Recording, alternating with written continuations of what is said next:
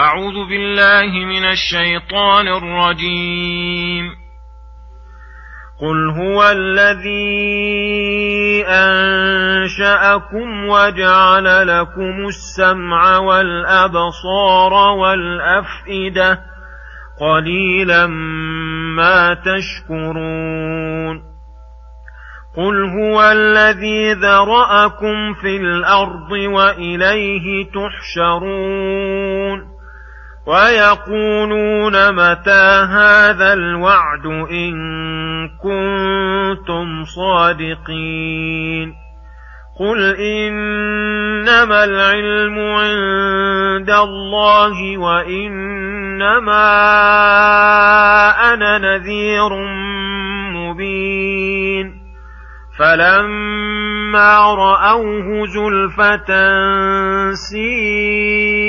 سيئت وجوه الذين كفروا وقيل هذا الذي كنتم به تدعون قل أرأيتم إن أهلكني الله ومن معي أو رحمنا فمن يجير الكافرين من عذاب أليم قل هو الرحمن آمنا به وعليه توكلنا فستعلمون من هو في ضلال مبين قل أرأيتم إن أصبح ماؤكم غورا فمن يأتيكم بماء معين بسم الله الرحمن الرحيم. السلام عليكم ورحمة الله وبركاته. يقول الله سبحانه قل هو الذي أنشأكم وجعل لكم السمع والأبصار والأفئدة قليلا ما تشكرون. يقول تعالى مبينا أنه المعبود وحده. وداعيا عباده إلى شكره وإفراده بالعبادة. قل هو الذي أنشأكم أي أوجدكم من العدم من غير معاون له ولا مظاهر. ولما أنشأكم كمل لكم الوجود إذ جعل لكم السمع والأبصار والأفئدة. وهذه الثلاثة هي أفضل أعضاء البدن وأكمل القوى الجسمانية. ولكنكم مع هذا الإنعام قليلا ما تشكرون الله قليل منكم الشاكر وقليل منكم الشكر.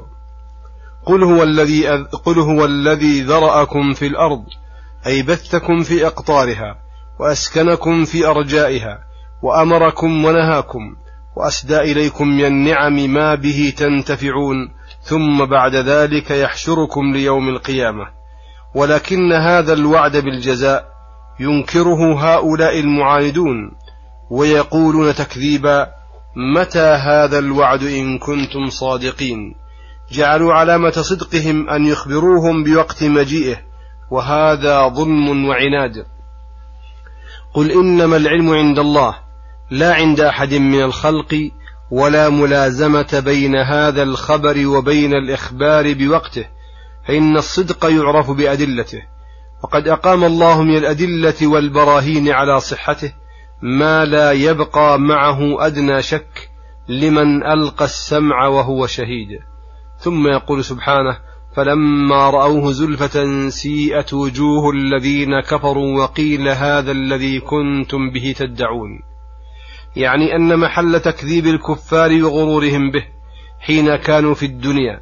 فإذا كان يوم الجزاء ورأوا العذاب منهم زلفة أي قريبا ساءهم ذلك وأفضعهم وأقلقهم فتغيرت لذلك وجوههم ووبخوا على تكذيبهم وقيل هذا الذي كنتم به تدعون. فاليوم رأيتموه عيانا وانجلى لكم الأمر وتقطعت بكم الأسباب ولم يبق إلا مباشرة العذاب. ولما كان المكذبون للرسول صلى الله عليه وسلم الذين يردون دعوته ينتظرون هلاكه ويتربصون به ريب المنون. أمره الله أن يقول لهم إنكم إن حصلت لكم أمنيتكم وأهلكني الله ومن معي.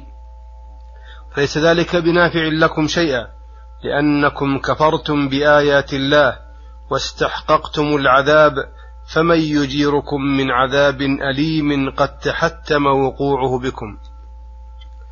فإذا تعبكم وحرصكم على هلاكي غير مفيد. ولا مجد لكم شيئا. ومن قولهم إنهم على هدى والرسول على ضلال أعادوا في ذلك وأبدوا وجادلوا عليه وقاتلوا.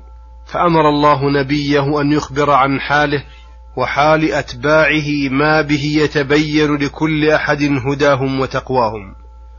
وهو أن يقولوا هو الرحمن آمنا به وعليه توكلنا. والإيمان يشمل التصديق الباطن والأعمال الباطنة والظاهرة. ولما كانت الأعمال وجودها وكمالها متوقفان على التوكل خص الله التوكل من سائر الأعمال وإلا فهو داخل في الإيمان.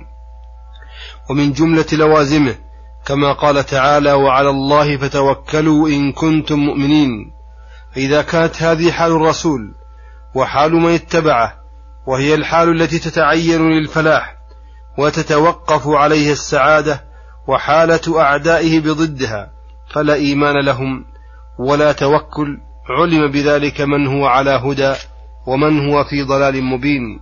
ثم أخبر عن انفراده بالنعم خصوصا ثم أخبر عن انفراده بالنعم خصوصا الماء الذي جعل الله منه كل شيء الذي جعل الله منه كل حي. فقال قل أرأيتم إن أصبح ماؤكم غورا؟ أي غائرا فمن يأتيكم بماء معين تشربون منه وتسقون أنعامكم وأشجاركم وزروعكم. وهذا استفهام بمعنى النفي أي لا يقدر أحد على ذلك غير الله تعالى. وصلى الله وسلم على نبينا محمد وعلى آله وصحبه أجمعين. وإلى الحلقة القادمة غدا إن شاء الله. السلام عليكم ورحمة الله وبركاته.